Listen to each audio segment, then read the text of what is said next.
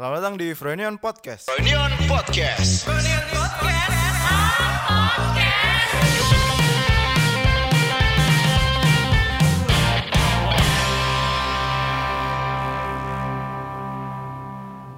Ya, selamat datang kembali di Frenion Podcast episode ke berapa sih?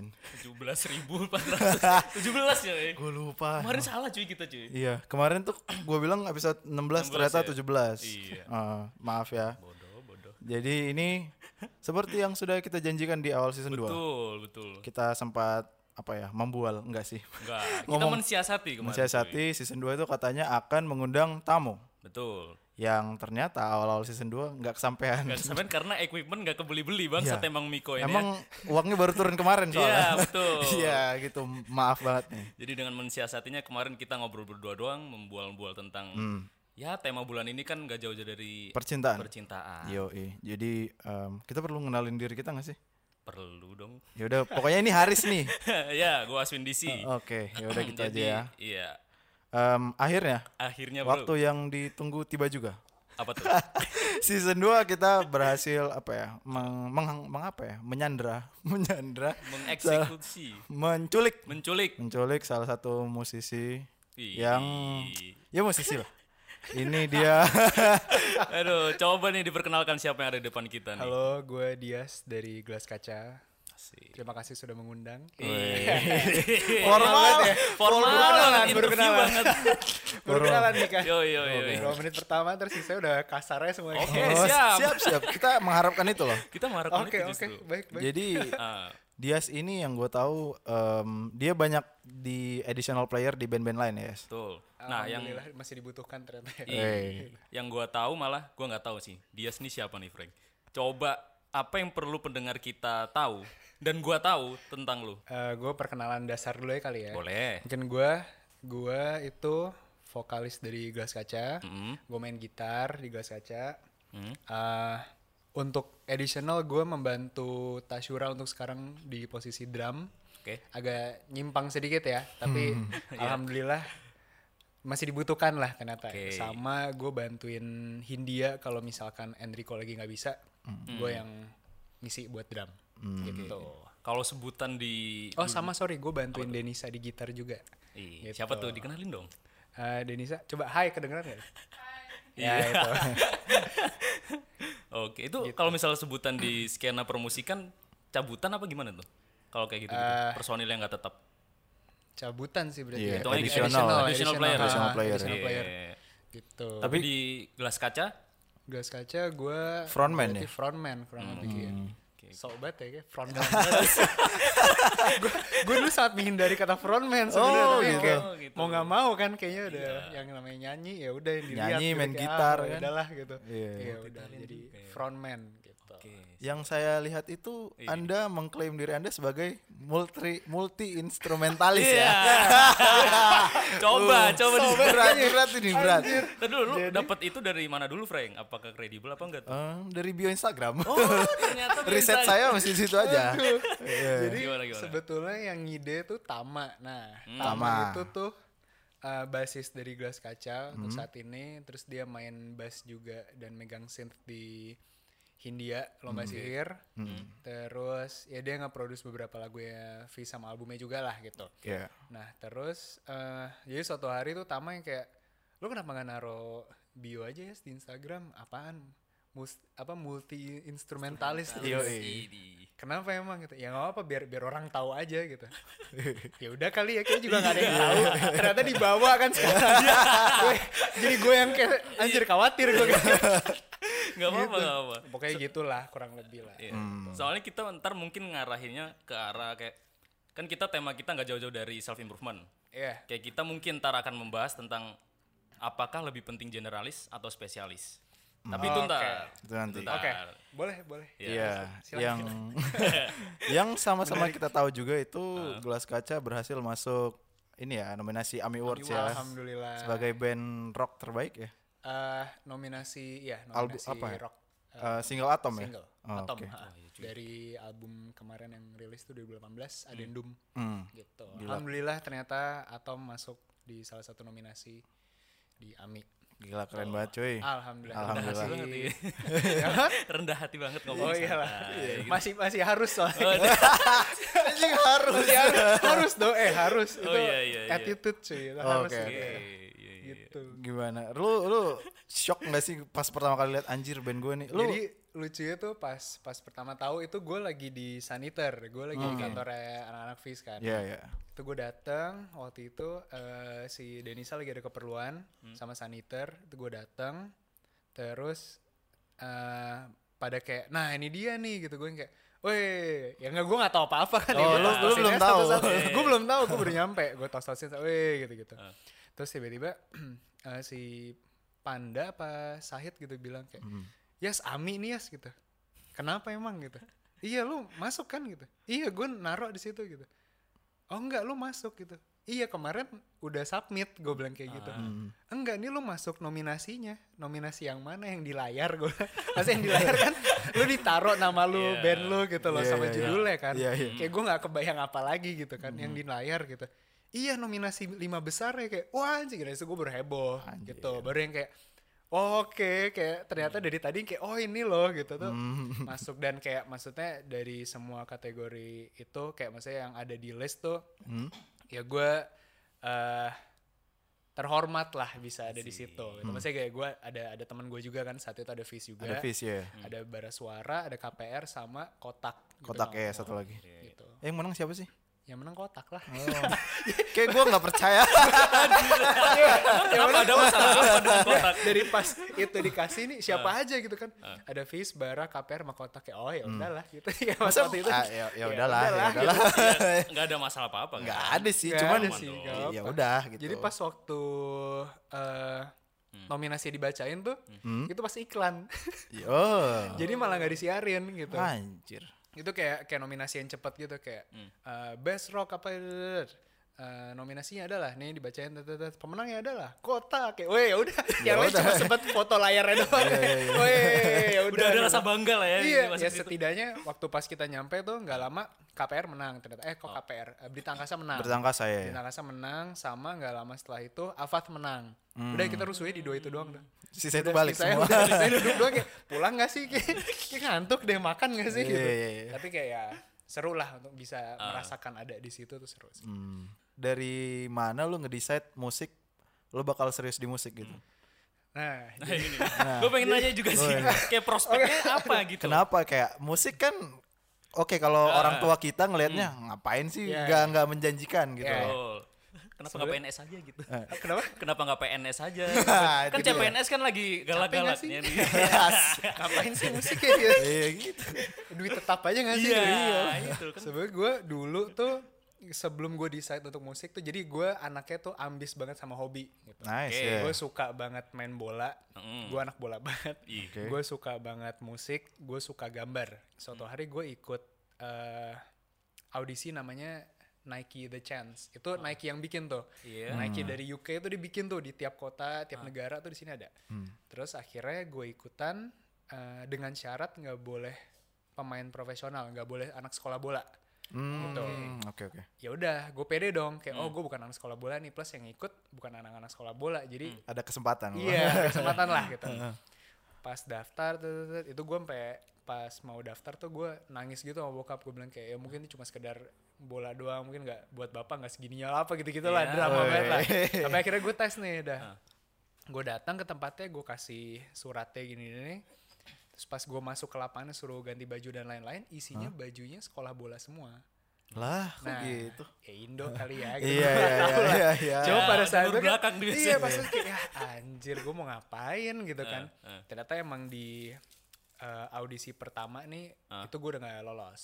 Oh, Gitu. oh, oke. Jadi Iya. jadi jam sekian sampai jam sekian tuh audisi ada berapa level di level pertama gue udah gak lolos. Hmm. Setelah itu nah itu baru pertama kali gue ngerasain yang yang Gagal. lumayan eh, depressed gitu loh. Oh, kayak. Hmm. gue udah nggak bisa ngambil cita-cita gue gue hidup cuma sekali gue mau ngapain sekarang gitu kan Hmm.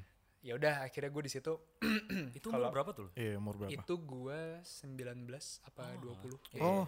itu kayak Ah. itu eh, apa ya momen yang kayak ibaratnya lo ngerasain lo udah dewasa nih Mm. lo harus bikin decision dalam hidup lo Iya. yang lo mau decide untuk jadi masa depan lo nggak bisa ambil gitu Yep. Jadi kayak gue harus milih yang lain dong berarti kan gitu. Antara musik apa desain gitu. Sampai akhirnya udah gue bikin musik inilah gitu. Betul. Orang tua lu ap- apa ada background seni kah? Atau emang Ah. yang karena tadi kan lu didukung orang tua banget kan buat milih apa yang lu Iya. pengen kayak gitu-gitu. Nah itu gue juga agak heran sebenarnya tapi Apa nih? tapi emang nyokap kali nyokap tuh lebih dulu nyokap ngeband soalnya gitu nyokap tuh Nama bandnya apa? nama bandnya Paung namanya itu band-band SMA gitu Mungkin Nama ya angkatan orang tua kita mungkin ada yang itu tahu. seangkatan sama eh, Club Project Oh, oke oke itu oke. Iya, seangkatan iya. sama Club Project si eh, Om Adinya tuh yang ya Om ya Oh, sobat. iya. kenal Kenal. yang main yang main apa yang main keyboardnya tuh Ah. itu seband sama Oh. eh, Memes Hmm. itu itu juga seband gitu pada saat itu itu mungkin gue dapet Hmm. di push untuk sisi seninya dari situ kali ya Hmm. gitu sih Yang gue lihat ya, gue Ah. kan sedikit nih dari orang daerah juga nih. Gue dari Medan. Gue dari Wih, Surabaya. oke. Iya, dan kita perantau lah. Yoi. Jadi yang kita lihat itu untuk masuk di quote unquote skena ini. Yoi. anjay Lu- lu- perskenaan ya Iya, ini indah indi indah indi Indi Indian nih sekarang nih. Aduh lagi ngetren banget tuh. bro. Di Twitter rame Yoi, mulu kan. rame banget ini Anjir kayak gue liat eh, lu harus ada mm, posisi tawar lebih lah untuk masuk circle itu kan. Value ya? Iya, apa apa yang lo iniin sih yang lo butuhkan sih, yang ditawarkan. Eh, Duit. Karena karena Siapa tahu duit Cuan ya, kan siapa nggak tahu bro. ini gue mau masuk lingkaran lu boleh nggak gue bayar deh gitu. sebe- sebetulnya apa ya eh, buat buat gue sih nomor satu lu punya portfolio sih. Kayak lu udah bikin musik yang lu punya. Karena buat kenalan sama orang tapi lu nggak punya apa-apa tuh kayak susah buat gue ya. Iya, iya, gitu. betul. karena eh, pada awalnya kita juga semua kenalan dengan CD yang kita punya kan gitu. Walaupun cuma di tulis di CDR doang gas kaca steady EP demo gitu. Iya, apa. iya. tapi seenggaknya kita punya materi yang kita sajikan ke mereka untuk didengarkan gitu kan. Hmm.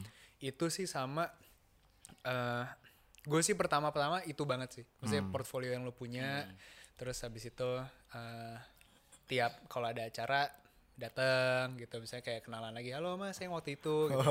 awalnya kayak gitu juga. Gak usah gengsi-gengsi amat gitu. iya nggak usah geng gengsi dan kayak eh ya jadi orang yang sebaik mungkin yang lu bisa aja sih gitu.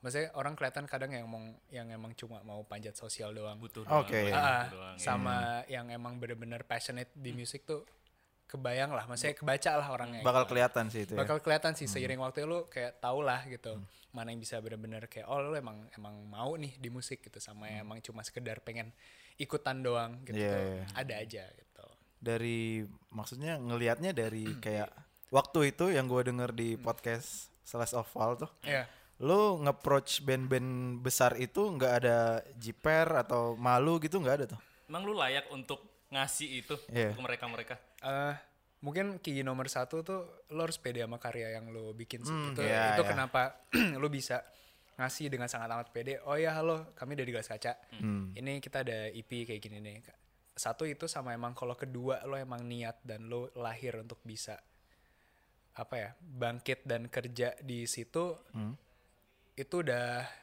mau nggak mau sih itu masih itu udah bukan pilihan di kayak situ. ah, Udah harus tuh ya. Ah, maksudnya lu nggak nggak boleh, lu nggak boleh jiper juga gitu. Maksudnya untuk bikin karya yang jadi aja tuh lu juga harus pede kan. gitu Betul, lo harus betul, ya. yakin sepenuhnya sama karya yang lu punya sehingga lu mau mainin lagunya depan orang ataupun lu mau ngasih ke orang ibaratnya senior ya gitu. Iya ya senior ya. Itu lu udah nggak malu lagi gitu karena emang lu ma- mau masuk ke industri yang mereka juga hidup di situ gitu loh. betul. Jadi kayak dengan ngasih itu kayak oh ya gue punya nih materinya. Halo gitu. Salam Misi kenal, bang, gitu. misi bang gitu. Iya, bang sorry nih. Gitu. maaf nih gitu mau nyelipin gitu kayak Iya, gitulah. Tapi setelah menang yang nomi ah Ami tadi, nah apa lu sekarang udah merasa senior? Gue nggak samsak sih maksudnya eh dari gelas kaca yang tadi ya? iya sebetulnya sen senior tuh enggak sih. Senior enggak sih mungkin kalau dibilang Iya, tua ya dari umur kali ya gitu. tapi kalau senior sih enggak sih karena eh Kayak kategori senior, ada yang Iya, kategori masih pasti yang, ada kan, maksudnya ngomongin band Hmm. senior gitu. Mungkin bisa orang bisa menilai senior pun itu juga dari jam terbang yang mereka punya dari band Betul, yang udah iya, main di mana aja gitu-gitu. Cuma kalau dibilang sudah mulai ada pengalaman dan lumayan dari sejak pada saat itu kita ngasih yang CD itu doang, itu bisa dibilang iya gitu karena emang emang banyak lah dari uh, pembuatan album naik turun bandnya dari kenalan sama orang baru sampai kena apa pun lah dari orang baru yang kita kenal itu pasti ada sih gitu cuma emang emang pengalamannya yang luar biasa sih daripada saat itu gitu senior sih enggak kayaknya sih. Iya. udah. itulah Ngomongin naik turun tadi, yang naik kita taunya menang eh, nominasi tadi. Turunnya eh itu kita nggak menang loh maksudnya masuk ya nominasi masuk Nominasi, nominasi, masuk iya. nominasi. syarat kotak ya Kotak. jelek banget terus terus Ya itu naiknya. Kalau turunnya wow itu justru setelah album rilis sih Oh ya, adendum. iya setelah Adenum rilis itu malahan kayak Sibuk gue masing-masing. buka aja nih ya Gua buka aja lah biar semua orang tahu kita kayak tunggu-tunggu. oke jadi Adendum tuh pas rilis malah jadi kita malah setelah itu rilis bukannya naik tuh malah turun gitu jadi eh gelas kaca tuh lumayan naik karena EP Static gitu lumayan Iya. eh, tet- tet- ke- eh, kelihatan lah gitu Iya, iya. nah yang kita juga masing-masing kayak oh nih berhasil nih ya kayaknya gitu Iya. Nah di situ kan kita nge-approach eh, Iga kan buat nge-produce Producer. album gitu. iya. nah di situ juga juga pada saat itu mungkin karena kita ambisnya terlalu besar, ambisius banget. Kedua ekspektasi yang terlalu besar sehingga eh, hasil yang kita duga tuh nggak sesuai kayak yang ada setelah albumnya rilis gitu. Hmm, oke. Nah itu mungkin yang jadi kekecewaan nomor satu mungkin kayak gitu. Tapi menurut gue itu juga bukan gue doang yang alami, mungkin tuh banyak ya. Tapi eh, dampaknya ke kita tuh besar banget gitu. Emang ekspektasi lo waktu itu apa? Siapa ya sih, ya, kayak siapa sih yang nggak pengen album langsung sukses kan ibaratnya Hmm, gitu. Langsung tour ya. Iya kayak Iya anjir sih. berhasil nih gitu-gitu. Cuma emang eh bukan momentumnya juga kali ya pada saat itu kan. Plus juga emang mungkin bukan timingnya kah, mungkin dari kitanya juga internalnya emang lagi nggak sehat sehingga kayak itu ngaruh ke secara keseluruhan produksi ke kita per orang kon- apa kayak koneksinya jadi jadi kurang gitu kan. Karena emang emang dari personal kita masing-masing pada saat itu rilis juga lagi ada masalah di orangnya masing-masing gitu. Oke. Ada yang urusan keluarga lah, ada yang urusan temennya apalah itu Iya, semua. iya, iya. Jadi kayak dampaknya pada saat itu karena emang masih goyah urusan tanda kutip profesionalitasnya jadi ke Hmm. goyang nih gitu di bandnya goyang gitu. Eh 2018 awal eh 2019 ya berarti ya rilis 2018 ah. 19 awal tuh Rehan vakum gitu. Rehan tuh vakum dari Gas Kaca. Itu itu dia lagi Kurosuke. Gitu. Oh. Dia kan main gitar di Kuro juga kan. Album yang itu ya, yang pertama ya. Gue lupa deh. Pokoknya di situ dia nge-session Hmm, si oke. Kurosuke. Iya. Jadi pas tiga album setelah Glass Kaca rilis tuh sampai akhir tahun 2018 itu panggung hitung jari gitu. Hmm. 2019 masuk Rehan vakum, gua gaptek Logic di situ. Urusan recording apa semua kayak bikin guide gitu-gitu semua Rehan sebenarnya. Hmm. Jadi pas itu gua tanggung jawab dong gitu kayak oke ya udah Rehan vakum gua ngasih waktu karena gua ngerti kondisinya seperti apa gitu Iya, iya. satu itu terus gue akhirnya ngegandeng semuanya dong. Hmm. mau nggak mau gue harus punya ibaratnya punya station yang proper untuk bisa bikin lagu gitu. Hmm. di situ ya tabungan gue akhirnya gue gua keluarin semua buat urusan Hmm, Production ya. iya buat production kayak apa mixer monitor tuh gue gua nyicil gitu-gitu. Terus akhirnya kayak gue install Logic semuanya. Gue gue bikin gue bikin kayak station gue yang proper. Karena menurut gue kayak udah mau nggak mau Rehan udah vakum gue nggak mungkin ganggu kan. Iya, iya. karena itu buat buat urusan dan kesehatan dia sendiri gitu. Betul. akhirnya di situ untungnya eh tiba-tiba si emang si Dan tuh minta dari akhir tahun 2018 dia mau bikin EP minta gue yang produce. Di situ juga dengan adanya kondisi seperti itu Rehan mau nggak mau gue belajar Logic dong karena gue mau produce orang nih ibaratnya.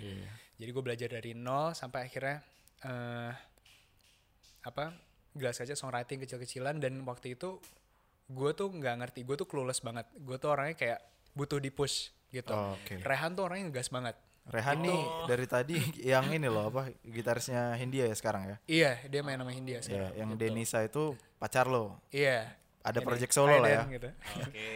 Oke. iya. ada project solo gitu Ah. nah jadi eh gue tuh bener-bener clueless kayak oke nih band harus diapain gitu Hmm. sementara Rehan tuh yang ngegas jadi gue butuh Rehan untuk jadi pulse gue untuk ngegas gitu nah gue Hmm. tuh yang kayak ya udah lu maunya kayak apa gue yang naroin gue yang nerjemahin ke yang lain gitu Hmm. di situ dia nggak ada jadi gue clueless kan sampai akhirnya kita dapat kabar kalau pertengahan tahun tuh main With The Fest gitu. Iya, iya, iya, iya, Seenggaknya gue lihat ya. Tiba-tiba ada kabar baik gitu. Oke, berarti harus ngumpul semua Ngumpul dong. lagi. Tak ya udah ngumpul lagi gitu. Rehan bilang, "Ini kita harus rilis." Oke, ya udah lu maunya apa? Udah di situ baru rilis tuh. Baru songwriting lagi ngumpul bulan April, bulan Mei. Kalau nggak salah Mei apa Juni, gue lupa kita rilis pokoknya seminggu sebelum We The Fest. Akhirnya kita rilis, tapi setelah We The Fest tuh kita turun. Itu anjlok banget. Kayak dari Rehan ngerasa panggung We The Fest, gue pun juga ngerasa gitu. Panggung We The Fest tuh bukan panggung terbaik di tahun itu. Oke. Gitu. Dan kalau bisa dibilang 2019 kita cuma dapat dua panggung. Gitu. Oh. Karena internalnya emang messed up semua. Pada mencar eh, otaknya nggak nyatu lah gitu. Satu Widow Fest, yang satu. Satu lagi So Far Sounds. Oh, Oke. Gitu. Oh, so far ya. Ya sama itu tuh. Udah akhirnya turun, udah yuk rapat deh ketemu gitu. Hmm, ngobrolin Akhirnya ah, ngobrolin semuanya sampai eh udah deh vakum dulu kali ya gitu. Pikirin urusan masing-masing, lo lihatlah ke depannya lo mau ngapain, lo fokus di urusan lo dulu. Akhirnya gue ngelarin semua eh IP-nya Denisa dulu di situ, karena emang nggak ada yang fokus kan. Iya. Udah udah selesai di situ, baru ngumpul lagi. Akhirnya kita decide setelah ngobrol banyak dari pas vakum itu yang kontekan tuh ternyata cuma gua, Rehan sama Tama. Di situ tuh yang bener-bener nanyain masing-masing kayak lu gimana lagi ngapain gitu. itu cuma bertiga ini aja. Di situ kita ngerasa lah maksudnya kayak yang mau jalan beneran siapa sih? Gitu loh. Di tengah-tengah vakum ini kalau emang lu mau jalanin, lu emang mau ngomongin bandnya, ya lu gerak ya gerak aja gitu. Iya. Nah di situ akhirnya eh udahlah akhirnya ketemuan nih bertiga. Kayak lo kendalanya apa sih? Lo eh, masalahnya ada apa? Kira-kira dari band ini bisa diimprove apa gitu gitu. Akhirnya semua ngomong sampai akhirnya kita bikin decision beberapa lah. Akhirnya kita ngajak semua ketemu. Nah di situ drummer gue cabut, Aldi cabut Oh iya. hmm. dengan cara baik-baik ya. Itu untungnya eh, sehat lah, untungnya sehat. Tuh. Satu lagi manajer gue juga cabut.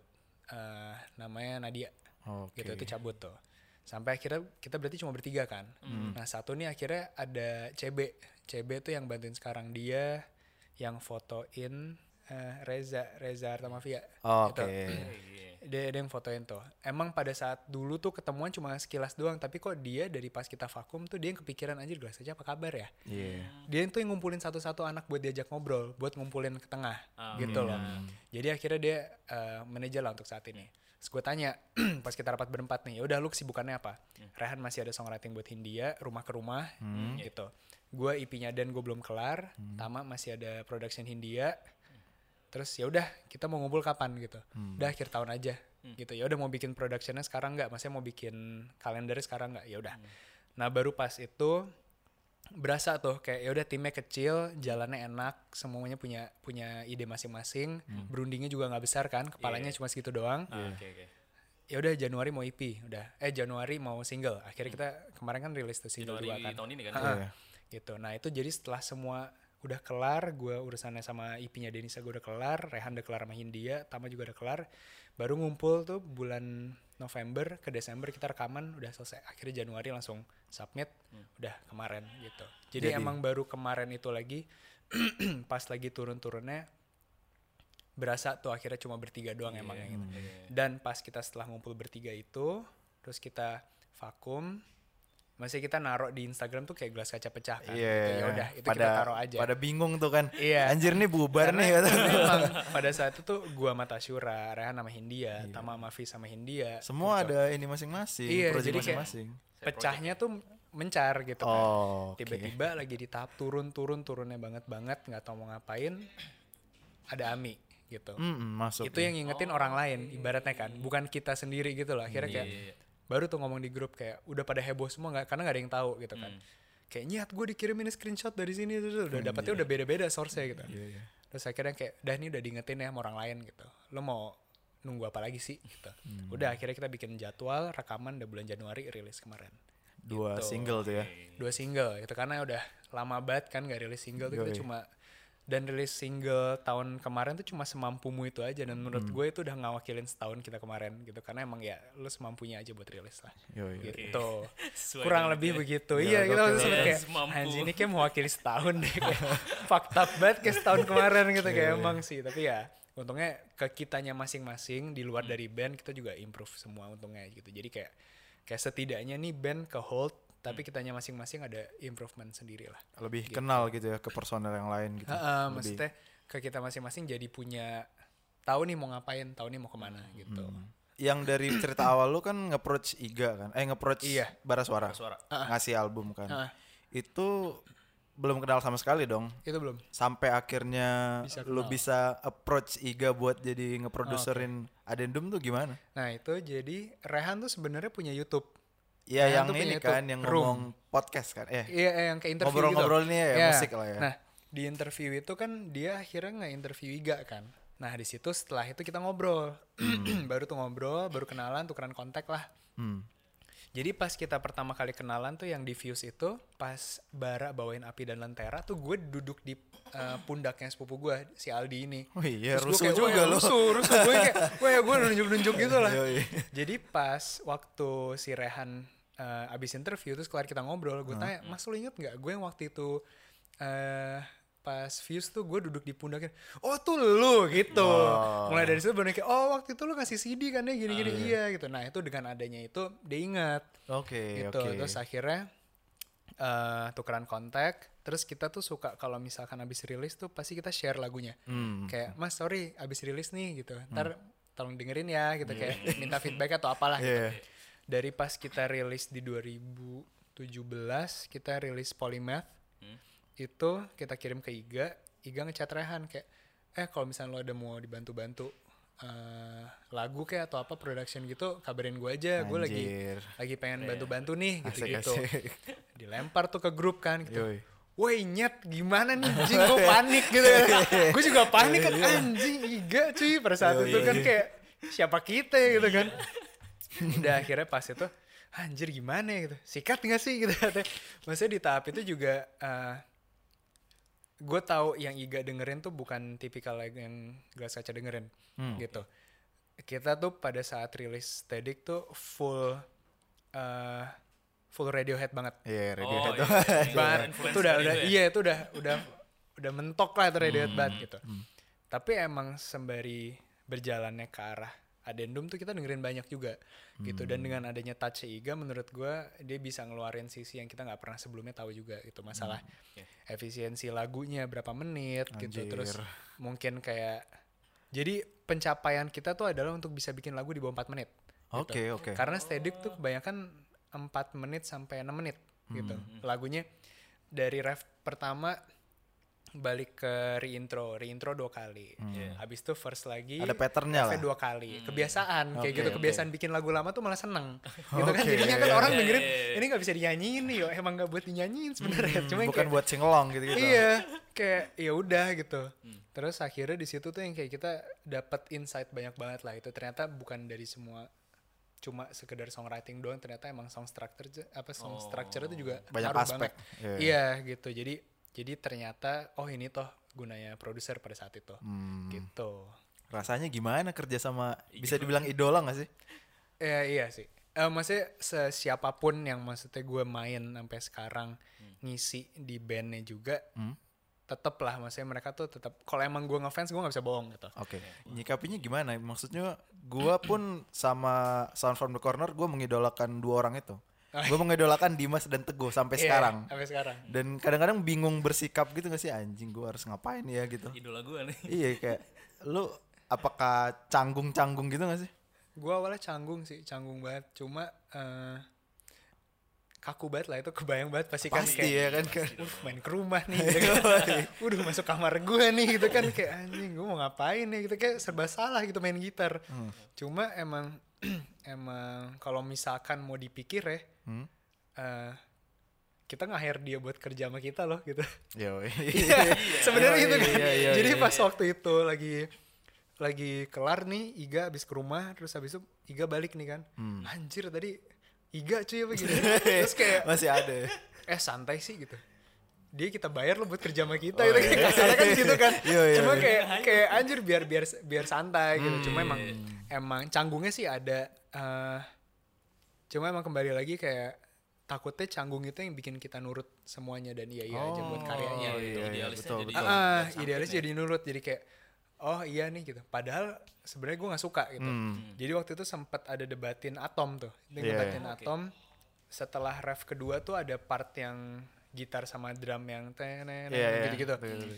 Itu tuh Iga nggak mau naruh situ. Oh iya. Iga tuh nggak suka. Cuma dia nanya terakhir tuh yang gue bener-bener pegang kuncinya tuh dia itu sudah udah udah sempet otot-ototan gitu. Kayak tapi gue suka, tapi gue mau, tapi dia nggak suka part drumnya gitu gitu. Terus akhirnya dia balik lagi udah terus agak diem nih, agak canggung gitu kan. Terus dia nanya, semua call-nya di lo karena lo yang bakal mainin bertahun-tahun ke depan gitu. Balik lagi nih lo kalau mau dengerin 10 tahun lagi nih karya lo jangan sampai lo nyesel gitu. Iya. Nice ya. Ya udah gue maunya kayak gini. Oke, ya udah. Udah tuh kayak final call di situ. Jadi kayak emang bener-bener yang gue pegang itu sih eh, lo mau kerja sama siapa pun yang lo bisa tarik insight-nya dari mereka atau inputnya dari mereka lo tarik seenggaknya idealis lo, lo taruh gitu Iya. sisanya dari situ gitu karena emang kembali lagi yang mainin lu kan gitu Betul, mau. lagu lu. Kalau misalnya ntar lu 10 tahun lagi main kayak anjir Iga nih gak mungkin kan kayak Gara-gara dia "Ah, nih, gua." tai nih Kayak nggak mungkin juga gitu kan Iya, gitu lah boleh, boleh. Ya, ya, tadi kita sempet cut bentar nih, Frank. Hmm. Terus menemukan fun fact, Yoi. seorang musisi loh ini. Iya, musisi nih. Gak hafal stem-steman dan kunci gitar. Nah, gimana coba? itu Iya. Gak jadi diomongin aja. Gimana, gimana? jadi gue tuh kebiasaan nemu jadi gue tuh gitar otodidak. Anjay. gue gitar otodidak. Dari Patut umur? telah disombongkan, Patut. Da- dari umur gue SM, SMP Hmm. SMP baru itu. cuy. Orang belajar gitar dari SD harusnya. Nah tuh gue SMP gue belajar gitar pakai lagunya apa Peter Pan yang Alexan ya, Alexandria apa? itu basic sih. da- iya kan? Nah, itu tuh dari situ tuh. gitu. Iya tuh. Terus gue mulai belajar gitar tuh gara-gara pas gue main drum, terus gue ngeliat anak-anak pada bawa gitar kan kayak keren banget main cewek-cewek gitu Yo, kan. yo, kayak, yo. Eh nyanyi dong nyanyi gitu kayak anjing kok gue nggak bisa ya gitu. Drum mana ada nadanya anjir gitu kayak gue nggak bisa bawa kahon kayak jelek siapa yang mau dengerin gitu. Akhirnya ya udah gue belajar tuh. Eh, gue belajar dan mulai dari situ karena gue nggak bisa kunci dan menurut gue kunci itu ngebatasin eh, cara main gue gitu. Karena mungkin yang gue tahu kunci situ-situ doang gitu kayak eh, apa A ya. Ya, A G E itulah gitu gitulah nah akhirnya di situ gue main gitar sependengaran gue gitu jadi tuh menurut gue itu ngelatih pendengaran gue jadi gue waktu itu main eh cinta melulu ERK RK ya. gitu. Itu pertama kali gue main tet, tet, gitu. itu gue main sependengarannya gue gitu kan. Gue main main lah. Itu ada kelas band lah di situ. Gue ada Rehan juga ada gue ada teman-teman gue juga. Di situ gue main itu pertama kali tuh Rehan ngeritik gue eh kan gitarnya salah lagi. Si anjing orang. Ya sorry lah gitu. Gue kan gak belajar gitar kan. Dia yang kayak terus sampai sekarang jujur gue nggak tahu itu gitar kuncinya apa.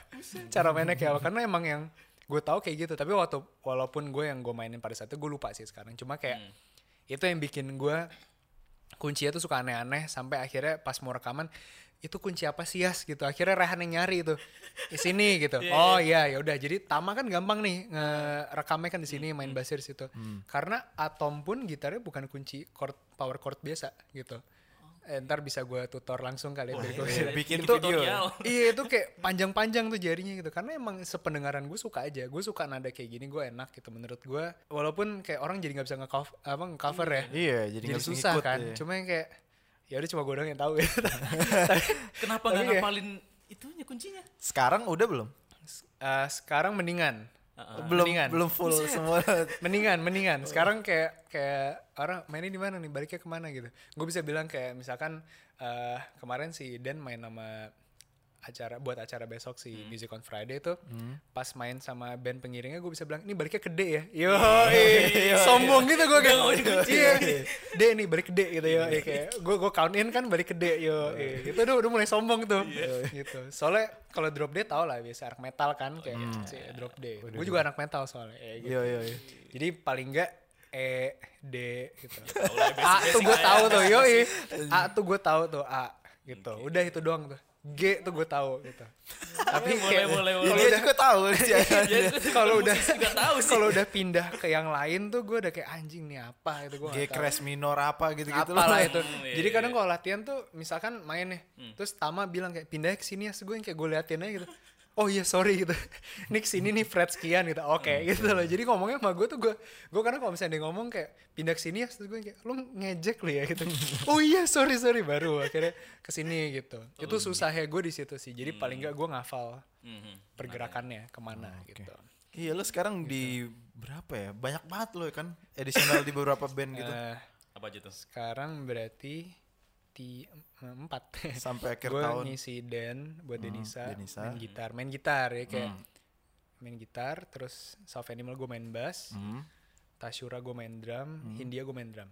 Gitu. Dan dan setiap personelnya Gelas Kaca itu additional di band-band lain juga. Iya, berarti berarti kalau misalkan Hindia sama lomba sihir tuh tinggal minus gue doang sebenarnya Iya, gitu. biar jadi band Iya, pengiring. biar jadi band pengiring gitu. Gelas Kaca band pengiring Ah, ah. India gitu. Waktu itu pernah pas Soft Animal manggung di Dago, Ah.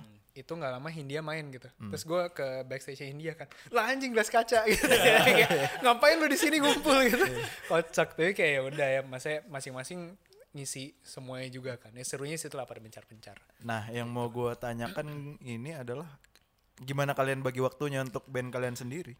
Nah itu eh, yang sebenarnya diomongin dari awal pas pada mau ngambil eh, session. Additional ya. Nah, gitu. Jadi itu yang yang selalu diomongin dari awal karena eh, prioritas kan balik lagi kan. Iya, gitu. masing-masing Hmm, orang. iya betul betul. prioritas lah. Nah itu itu juga pas Rehan ngisi Kuro juga diizin dulu gitu. Oh. Dia ngisihin dia juga dibilang gitu. Hmm. Jadi pas dulu gue takut juga pas gue mau ngisi Tashura itu takut nggak kebagi gelas kaca. Terus dia bilang kayak ya gelas kaca mah buat sekarang lo yang penting standby HP aja ya gitu. Maksudnya iya, kan iya, gitu. iya, Cuma iya, iya. ya bandnya manggung juga masih yang belum sepack tiap minggu ada Hmm. plus juga kita masih di tahap abis vakum terus mau songwriting ya udah lu standby HP aja gitu lu ngisi di luar lah seenggaknya seenggaknya lu main sama orang lu kenalan sama siapa lagi lu bisa Yoi. bisa ngelebarin sayap lu lah ibaratnya gitu Networking ya. Heeh, gitu nah di situ juga yang akhirnya eh gue kayak oke udah gue berani nge-session lah gitu. Terus juga pas waktu itu omongan masalah prioritasnya di mana ya pokoknya intinya ada omongan lah. Lo mau sepanggung sebesar apa pun lo main sama siapa pun yang lo session nggak ada yang sedek-dekan lo main sama band sendiri. Anjay. gitu. Jadi balik lagi ke bandnya masing-masing gitu. Maksudnya balik lagi ke core-nya gitu jadi tetap prioritasnya nomor satu di situ Level komitmennya udah kayak pacaran tuh. Iya. ya. Saling sepakat. Iya. Saling support iya. Udah kayak gitu. keluarga banget tuh. Yo iyalah. Oke, ini ngomongin opini ngalor ngidul aja sih ya. Ah, Ngomong nyantai aja. Gue mau nanya, lu kemarin melek lah ya sama Fish dari awal ya. eh maksudnya gimana tuh? Dari album Multiverse sampai Oh, iya. sekarang ini, Iya. bom ini. Beberapa orang memaafkan. Hmm. Kan cepet banget tuh setelah album itu keluar tuh langsung meroket. Bom. ha. Iya.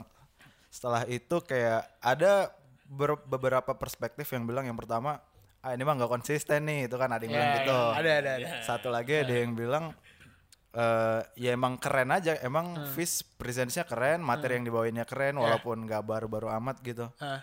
Yang mau gua tanyakan tuh kayak lu ngelihatnya gimana sih kan ada ada ada beberapa kubu yang gue lihat. Hmm. Kubu yang golongan yang gue bilang quote unquote tua itu memandang kayak ah ini mah nggak konsisten nih ini Yeah. tepin doang nih mentang-mentang tahun politik nih gitu kan Yeah, yeah, yeah. tapi band-band eh, sorry bukan band umuran yang lebih muda ngelihatnya kayak wah anjir ini udah kayak Keren nih, gitu. Iwan Fals di angkatan gua nih gitu kan menurut lo gimana sih dari perbedaan perspektif antar gener- generasi ini Generasi. Pasti pasti yang yang ya senior lah kita bilang. Iya senior Maksudnya pasti dia ngomong sesuai kapasitas dan eh perjalanan yang udah dijalanin kan pasti kan. hmm, betul Ada yang kayak kalau kita lihat Foo Fighters dari awal sampai sekarang juga nggak berubah gitu. iya iya. Dia berubah di album terakhir doang. Itu yang itu kalau nggak salah yang nge-produce mereka tuh produsernya Adele.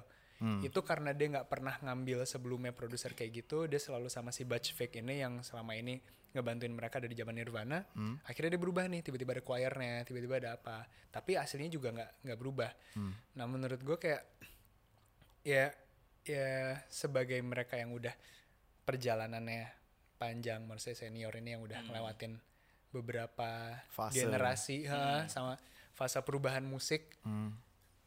Eh mungkin mereka mikirnya lebih ke identitas kali ya. Oke, iya. identitas nih bandnya nih. band itu. ah, udah nih kayak RK gitu-gitu ya Iya kayak ini bandnya mau ke mana sih? Bikin lagu Hmm. tiba-tiba berubah kayak gini udah gitu. Cuma emang nggak salah juga buat yang generasi yang anak-anak muda sekarang lebih nih muda yang ya. ngeliatnya udah kayak mendewakan gitu. iya iya Karena karena eh mungkin apa ya momentumnya pas kali ya pas Fizz Timing ya. ngeluarin ha-ha, pas Fizz ngeluarin bom itu juga rock yang easy listening tuh mungkin pada saat itu nggak ada ya mungkin ada tapi yang kedengeran dia Iya, mungkin gitu loh. iya, iya, jadi Permukaan ah, dia. Iya, jadi iya. yang ketarik dia yang kena set gitu loh terus juga politik lagi kan gitu Hmm, loh pas maksudnya ya. itu makanan semua orang gitu loh. iya iya dia pasti kayak anjir bahasnya politik terus bisa eh, Buat- rocknya rock gampang nih maksudnya kayak Bisa kayak, buat kok gue bisa dengerin tiap sekali-sekali apa kayak terus-terusan kok nggak capek ya gitu Ah, loh. oke oke. Itu balik lagi ya ke pinter-pinternya mereka untuk masalah song productionnya sih Hmm, gitu. Nggak ada yang salah nggak ada yang benar sih Gak ada yang sebenarnya. salah gak ada yang benar sih, gitu. karena toh dua-dua yang yang ngomong kan beda generasi juga kan iya tergantung mereka menyasarnya ke market yang mana Betul, sih ya. iya maksudnya nggak nggak ada salahnya juga kok dari dua-duanya gitu. Oke nice. Prediksi lu 2020 siapa yang bakal naik ya gue berharap gue sih Iya, ya maksudnya harapan ya gua gimana sih ya. kan? siapa yang nggak pengen gitu kan Iya, iya, iya. ya kalau ditanya band-band masing-masing juga pasti dijawab masing-masing iya, ya. iya. cuma kalau yang bisa gue ngelihat dari sekarang apa ya anjir Kan di awal-awal tahun Ini nih. ngalor ngidul nih. Siapa tahu? Siapa tahu? Eh, mantra sih sebetulnya yang mantra futura ya Ah, ah, oke yang apa materinya tuh bagusnya bagus banget gitu. Gua cuma belum emang denger lagi tuh album emang terakhir. bagus bagus banget. Iya. cuma emang mungkin eh apa ya orang kita juga kali ya gue nggak tahu sih. Cuma kosong gitu. Oke slotnya kayak- yang dibawain. belum belum bisa belum bisa mendengar dari sisi baiknya atau misalkan belum bisa nyari titik enaknya dari lagunya mungkin ya. Hmm. atau kayak kayak dulu pas gelas kaca rilis Stedik tuh kayak yang suka Stedik tuh musisi gitu iya audiensnya belum Iya, bukan audiens ya gitu. Jadi kayak Hmm. anjir bagus nih. Yang ngomong musisi juga gitu. Yang ngerti gitu loh jadinya. oke. Ya menurut gue kayak mantra kemarin tuh bagus-bagus banget gitu. Cuma mungkin ya tahun inilah kali ya waktunya mantra, kali ya. Mantra Gue ya. berharap sih gitu sih. Karena Oke, oke, oke. bagus banget albumnya. gitu. Kalau rilisan 2019 kemarin gimana menurut lo? Nggak semeriah tahun lalu ya? tahun 2018 gitu. Buat apa buat rilisan? Iya buat rilisan Yang- album. Yang album, yang bagus banget. Hmm. Gue sih mungkin ada yang gue lupa kali ya kalau misalkan iya gue tuh bikin top 10 Iya di Instagram lo gue lihat ada tuh gue cek dulu ya takut, Eh boleh boleh. takut ada yang lupa gitu Hmm. tapi salah satunya sih gue Alvin Kain Hmm. Seka tuh bagus banget karena Yang greatest ever ya? Ya, eh, ya. kemarin tuh iya iya Greatest ever. Iya. Oh India sih Iya. teman sendiri dia sih India sih bagus kok bok bagus banget bok Iya. menjilat ya menjilat Oh sama eh, EP-nya Denisa kayak juga bagus ya. Oh iya, misalnya belum iya, dengerin, iya. boleh dicek ya guys. Oke oke. Bias banget ya kayaknya. Ya, orang dalam Nggak. semua. bagus kok emang. Maksudnya kalau nggak bagus gue nggak bilang bagus. Ya boleh dicek Denisa. Eh, gitu. gitu. Apalagi ya? Gua mau nanya juga ini ngalor ngidul lagi soal hmm, kita semua melek lah tahun lalu tuh setelah albumnya Kunto Aji Oh iya. kita mau kayak akhirnya audiensnya mulai melek nih ada Iya. soal Mental health. mental health, Mental health, kesehatan oke. mental ya. Iya. Em, sampai akhirnya gue denger tuh tahun lalu ada yang ngomong terms baru gue denger ada katanya motivational pop. Nah, itu gue pertama kali denger, oh, oh, agak-agak kegelitik lah ya. Oke. Lu em, pandangan lu gimana tuh soal Jujur baru denger coy. gue jujur baru denger sih. motivational pop? Oh, Iya, oh, gua jujur baru mungkin gue kirain, oh ini mungkin mengarah ke Kunto dan Bass. Iya. ha. India ya. Ha. Yang gue takutkan adalah nanti semua musisi kayak, oh gue harus mengangkat tema ini nih biar gue didengar gitu. Yang gue Iya, takutkan sih itu. Kalau pandangan lu gimana ya? Ya itu itu sebenarnya kayak sama aja kayak orang oportunis buat jualan gak sih gitu kayak Hmm, oke. Apple bikin apa semua juga bikin gitu kan. Yo, yo, gitu kan. Eh, ya balik lagi ke mereka yang masing-masing yang pure apa enggak sih maksudnya kalau misalnya ngeliat dari albumnya Kunto Aji kan kayak anjir nih orang udah ngelakuin apa aja Iya, ya, betul, gitu. betul. kayak, Kayak ini orang berat udah banget hidupnya. kayak anjir nih orang kayak kenapa ya gitu kayak kayak minta dipeluk kayak gitu Iya, mas nggak apa-apa mas gitu tapi emang emang ben apa ya eh bagusnya adalah kalau misalnya ngeliat dari bagusnya orang jadi aware sih gitu Hmm. jadi yang yang punya masalah seperti itu tuh jadi menunjukkan bukan karena dia apa ya mau pamer tapi lebih yang kayak tadinya dia malu dia ngumpet sendiri tuh jadi bisa ngasih lihat kayak oh ya gue pernah kok kayak gini tapi nggak Oh, apa-apa ya. kok Mulai gitu. ngeimpress ya, gitu ya. ah, maksudnya jadinya orang yang nggak punya teman tuh jadi punya teman Nah, ya, gitu ya, ya, itu ya. sih ya Betul, maksudnya betul betul. eh, oh ternyata lu ngerasain kayak gini juga ya gitu. Akhirnya jadi ngobrol. Dan lu nggak sendiri gitu-gitu ya. iya gitu. Dan kayak eh apa ya mungkin tadinya orang orang tuh dulu pasti ngelihat eh, mental health tuh tanda kutip orang nanti gila pasti. Hmm, gitu. iya, iya. kayak oh ini orang nggak sehat nih gitu. Iya, oh ini iya. orang gila sih lu kenapa deh gitu. Kayak apa ya kurang ibadah kali ya. Gitu. Sholat, pasti baliknya ke sana ya. kan gitu. nggak salah sih cuma maksudnya eh itu bukan hal pertama yang harus lo lakukan sih gitu. Maksudnya Hmm. bisa ya lo, bisa menenangkan diri lo dengan banyak hal lah. Mungkin dengan yang dikeluarkan oleh Kunto Aji juga ternyata bisa ngebantu dan menyelamatkan berapa banyak orang gitu ternyata kan. Itu yang menurut gua kayak baru setelah itu keluar tuh yang kayak oh anjir gue nggak sendirian ya. Hmm. gitu baru keluar lah orang-orang emang ternyata eh, mengalami juga yang sampai iya, di tahap bener-bener. seperti apa bahkan ada yang DM DM nama Kunto Aji juga kan ternyata Iya, iya, ya gitu betul. sampai diajak ke panggung lah tuh ada gitu Hmm. dan dan di situ yang lebih di di luar dari orang yang menggunakan itu sebagai apa ya lahan buat jualan mereka gitu Mhm. eh, setidaknya orang lebih aware dan emang ma- sampai bahkan sesensitif itu sama mental health ini gitu Hmm. sampai ada yang kayak kalau kayak gini aja sampai kesannya depresi padahal kayak kenapa gitu loh Iya. tapi kan balik lagi kalau misalnya kayak gitu kan tergantung orangnya masing-masing kan kayak ya lu nggak tahu aja gitu sebenarnya itu cuma setidaknya orang melek lah gitu sebenarnya itu yang yang Iya. di yang paling bisa diambil diambil ya. gitu setidaknya Oke, oke, Oke. Em, ini kan podcast kita bikin dan gue mengundang lo karena gue ngeliat lo adalah orang yang sangat gigih, ambisius wow dalam mengejar apa pun yang lo mau. Amin Amin ya. konsisten efek tepuk tangan boleh gak sih Eh, boleh, ntar gue edit. yes. Ntar kita edit ya. oke gue request Oke, dan terus em, jadi yang sering gue lihat adalah orang mengatasnamakan passion untuk jadi alasan keluar dari tanggung jawabnya. ah oke Ah, Nah itu em, eh, yang gue lihat, lu bisa menyelesaikan kewajiban lo dari perkuliahan tadi Iya. dan mengejar ya quote unquote passion itu lah. Kayak lu mau ada pesan gak buat anak-anak yang lebih muda dari kita di luar sana yang mau Oke. ngejar sesuatu yang dia mau gitu, atau seumuran atau yang lebih tua gitu ya. ah paling gak lo harus tahu prioritas lo yang mana sih gitu maksudnya Hmm. apa pun itu decision pasti kan uh, leads to consequences gitu Iya, lo betul. mau bikin decision seperti A atau B mau baik atau buruk buat lo pasti konsekuensinya lo harus terima gitu mau konsekuensinya nanti baik ke lo atau buruk ke lo gitu Hmm. balik lagi ke passion yang tadi kalau emang lo passion lo di sini lo mau ninggalin suatu hal demi lo berkorban buat passion lo selama lo tahu apa yang lo mau jalanin ke depannya lo punya timeline lo nggak clueless Hmm. seenggaknya itulah yang menurut gue kayak lo punya ini dulu gitu. Lo punya timeline dulu lo tahu goals lo mau ke mana. Lo punya ibaratnya punya apa ya let's say kayak tabungannya lo mau jalanin passion lo ini ya udah habis itu yang penting lo survive lah gitu. Karena yang pasti nanyain itu adalah orang tua. Iya betul. ya orang tua tuh pasti nggak mau kita susah. Orang tua tuh pasti nggak mau kayak ngeliat kita ribet dikit lah. Tuh pasti yang kayak aduh kenapa sih? Ngapain sih kayak gini? gitu emang yang harus dibuktikan itu adalah menurut gue kayak untuk bisa bikin mereka tenang kalau kita tuh tahu nih timelinenya seperti apa sih gitu. Nggak kok ini nggak nggak susah kok ini kayak gini gitu. Cuma emang kalau kayak yang gue gue jelasin tadi abis gue kuliah terus akhirnya musik apa gitu gitu karena prioritas gue pada saat itu emang kuliah dulu gue nomor satu gitu sebisa mungkin prioritas gue nggak keganggu sama urusan musik waktu itu. Oke. gitu. Jadi emang timeline gue adalah setelah gue kelar kuliah gue balik dan sebelum balik tuh gue udah ngontakin sepupu gue kayak lu mau nggak main drum buat gelas kaca gitu gitu ya udah balik ketemu ya. Itu gue balik minggu depannya kita langsung ketemuan.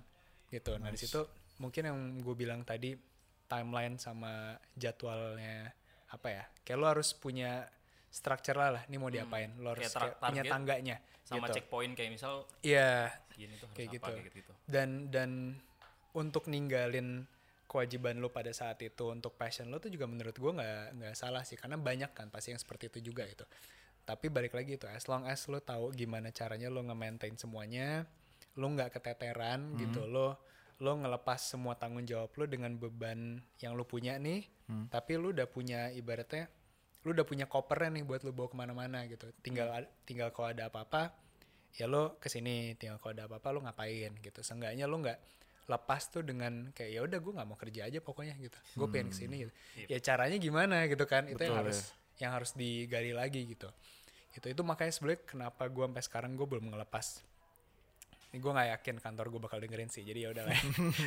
Ya, jadi sebenarnya gue kenapa gue nggak ngelepas kantor gue itu adalah karena eh buat main musik pasti lo butuh ada aja misalkan kabel jack yang rusak gitu lo butuh duit kan pasti buat beli Betul ya. Ntar dulu kantor yang mana dulu nih? Kita tadi kayaknya belum bahas ini deh.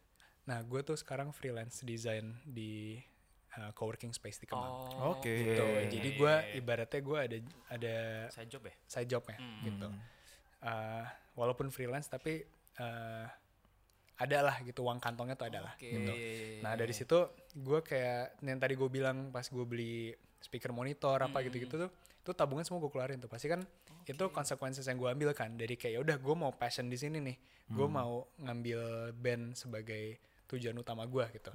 Ya udah dengan ada ya gue kantor di situ gue kerja oke bulan sekian nih pendapatan gue segini gue taruh buat beli ini. Hmm. ntar bulan depan gue taruh buat ke sini gitu. Seenggaknya lo punya punya proyeksinya mau ngapain lah Betul. gitu dan lo aman lo bisa ngasih tahu orang tua lo juga in case mereka ntar panik atau gimana Iya, gitu iya, nanya oh ya aman kok lagi kayak gini gitu gitu yang penting pasti mereka cuma butuh kayak ya udah lo aman lo tahu mau ngapain dah selesai gitu sih menurut gue nice. gitu Iya, iya, iya. Sama pede Wah, itu. Pede ya. itu nomor satu lah Anda tidak punya pede ya. itu sih itu sama nekatnya tuh harus sih Nekat. Oh, iya, iya. jangan ragu jangan takut dah. Ajar aja ya. sama berani minta tolong dah Oh, Siap. oke. Mungkin ini jadi penutup Frank. Nice. Gua, eh, sebenarnya pertanyaan udah basic lah ya. Kayak sebagai penutup-penutup. Eh, Pak Sapardi, seorang pujangga Indonesia, dia pernah bilang waktu itu fana, yang abadi, eh, aduh, kok gue lupa apa kebalik Gimana Waktu itu fana, Hah? yang abadi itu kita. oke Kita yang abadi. Aduh, anjing salah. Gue ulang lah. Peler. Sorry bro, gue berusaha untuk terlihat intelek, tapi susah. Oke, oke. Waktu itu fana, kita yang abadi. oke. Secara konteks gue setuju tapi secara konten semua manusia pasti akan meninggalkan dunia ini. Yang gue pengen tanyain setelah lu meninggalkan dunia ini lu pengen dikenal sebagai Dias yang apa? Dikenal dan dikenang sebagai apa? Gue yang penting nomor satu orang baik sih. Ya itulah maksudnya kayak kayak kalau misalnya lo bilang lo orang baik ya baik tuh sebenarnya garis besar dari apa pun yang lo lakukan kan gitu. Dan yang penting ya maksudnya gue sebagai orang juga harus berguna buat orang lain lah yang pasti itu lah. Betul. gitu. Lo buruk lo mau kayak apa itu ya udah lah gitu. Maksudnya itu juga pasti perjalanan ke sini lo ya lo nggak mungkin lo nggak bikin salah lah gitu. Maksudnya nabi juga punya salah gitu ibaratnya. Tapi ya iya gak sih kayak gue? Iya, satu mistake. kayak iya, cuma maksudnya kayak kayak gue sih pengen seperti itulah. Maksudnya di luar kayak entah orang mau bilang ya ntar main musik apa pun yang nantinya akan gue capai seperti apa. Tapi di luar dari itu ya ya gue pengen orang eh, paling nggak tahu eh gue bisa gue pernah bantu mereka gue pernah eh, min- apa nolongin mereka di apa gitu gitu jadi seenggaknya eh gue ada di prosesnya mereka juga setidaknya seperti itu Hmm, oke. gitu oke lah ya tuh Iya, boleh lah. Mantap, lumayan lah ya, gitu. Tapi Oke Anda lah. salah, Bro. apa tuh bro Harusnya kalau kita interview musisi, Heeh. akhirnya itu promonya. oh iya juga Anjir. Oh iya betul. Saya sampai lupa ya. oh ditutup self improvement tadi salah ya. Sorry sorry ini, sorry ini sama, sama siapa interviewnya?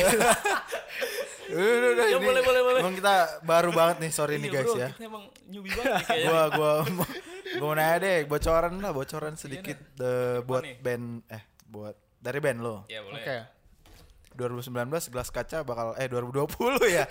Iya, Anjing, 2020. 2020 ya. Ih, cuy, udah, udah Serem dah. Cepet banget. cepet, cepet banget ya. ini. Kayak mau kiamat deh cuy Oke, eh, apa 2020 gelas kaca bakal ngapain ya? Hmm. Album Bocorin kah? ya. Single Ya, kah? Bocorin ya. Ya, boleh. Udah lah ya. Soalnya si Rehan juga udah nge-tweet nih. Jadi gue Oh. tanggung jawab gue udah banyak. ya pas waktu itu dia nge-tweet Oke, tuh kayak pokoknya gelas aja bakal rilis.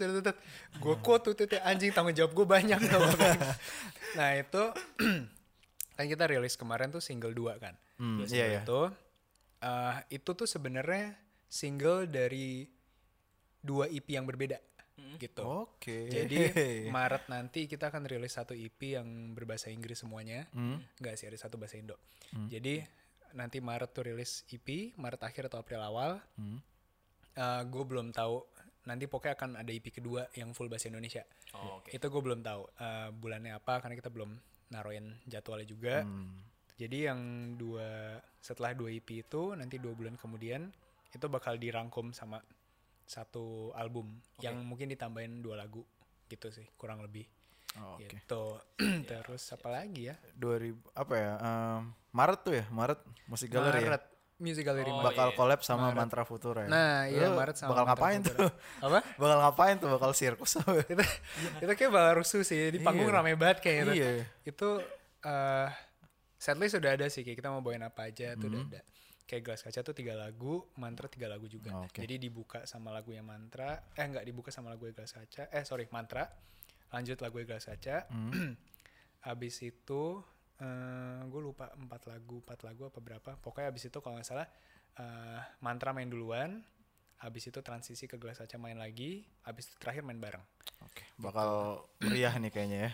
Pastinya apa lah. meriah Iya. sih nggak rame meriah, sih gue jujurnya belum pernah manggung kayak gini yang kolaborasi gitu cuma Iya, emang iya. emang pas denger konsepnya kayak oke oke Oke, oke, menarik tertantang gitu gue gitu Oke, kayak gue bakal nonton sih. Boleh lah. gitulah Mogal. seru kok seru terus Oke. Denisa juga main gue bakal main juga di situ ya Weh. promosi lagi ya Iya, iya. jadi gue main dua kali hari itu gue main dua kali Siap, siap. Oke, Em, ya Gitu buat kalian sempatkan lah waktunya nonton Yoi. musik galeri ya. Padahal kita nggak Iya. bayar nih. Ini buat ya jangan lupa guys boleh. ditonton ya Oke Yas, eh, terima kasih banget buat yes waktu lo. terima kasih banyak thank you Oh. banget Yoi. buat waktunya thank you loh ini gue berarti mewakili gelas kaca di sini Iya, Ya, iya. boleh. Oke. Nanti mungkin gue bakal merembet ke oh ya buat pendengarnya mungkin nanti bakal banyak eh, musisi-musisi yang kita undang ke depannya. Ih, oke. Bukan hanya Mudah-mudahan- musisi sebenarnya Frank. Desainer-desainer ataupun penggerak-penggerak seniman. Apa pun dari kreatif industri ya. Betul. Oke. Eh, terima kasih buat kalian sudah yang men- kalian semua yang sudah mendengarkan Friend Podcast sampai akhir ini ya. Aduh ini sampai berapa menit nih bro? iya, nanti ribet nih gua ngekatnya nih. Anjir lama ya, sorry gue baca. Kagak lah, Ya belajar dulu ya. Oke, em, Ya udahlah. Pamit kali ya. Ya boleh. gue bingung sebenarnya outro-nya yang bagus apa ya? Wa taufik walidayah wassalamualaikum. gitu kali ya. Ibadah Allah. Iya. Jumatan. Eh, ya Naruh HP, naruh HP. gua Haris Franky. Dan gue Aswin DC dan tamu kita. Dias Wijayanto. Iya. Terima kasih sudah mendengarkan Friend Podcast. Sampai jumpa di episode selanjutnya. Selanjutnya. Dadah. Dadah.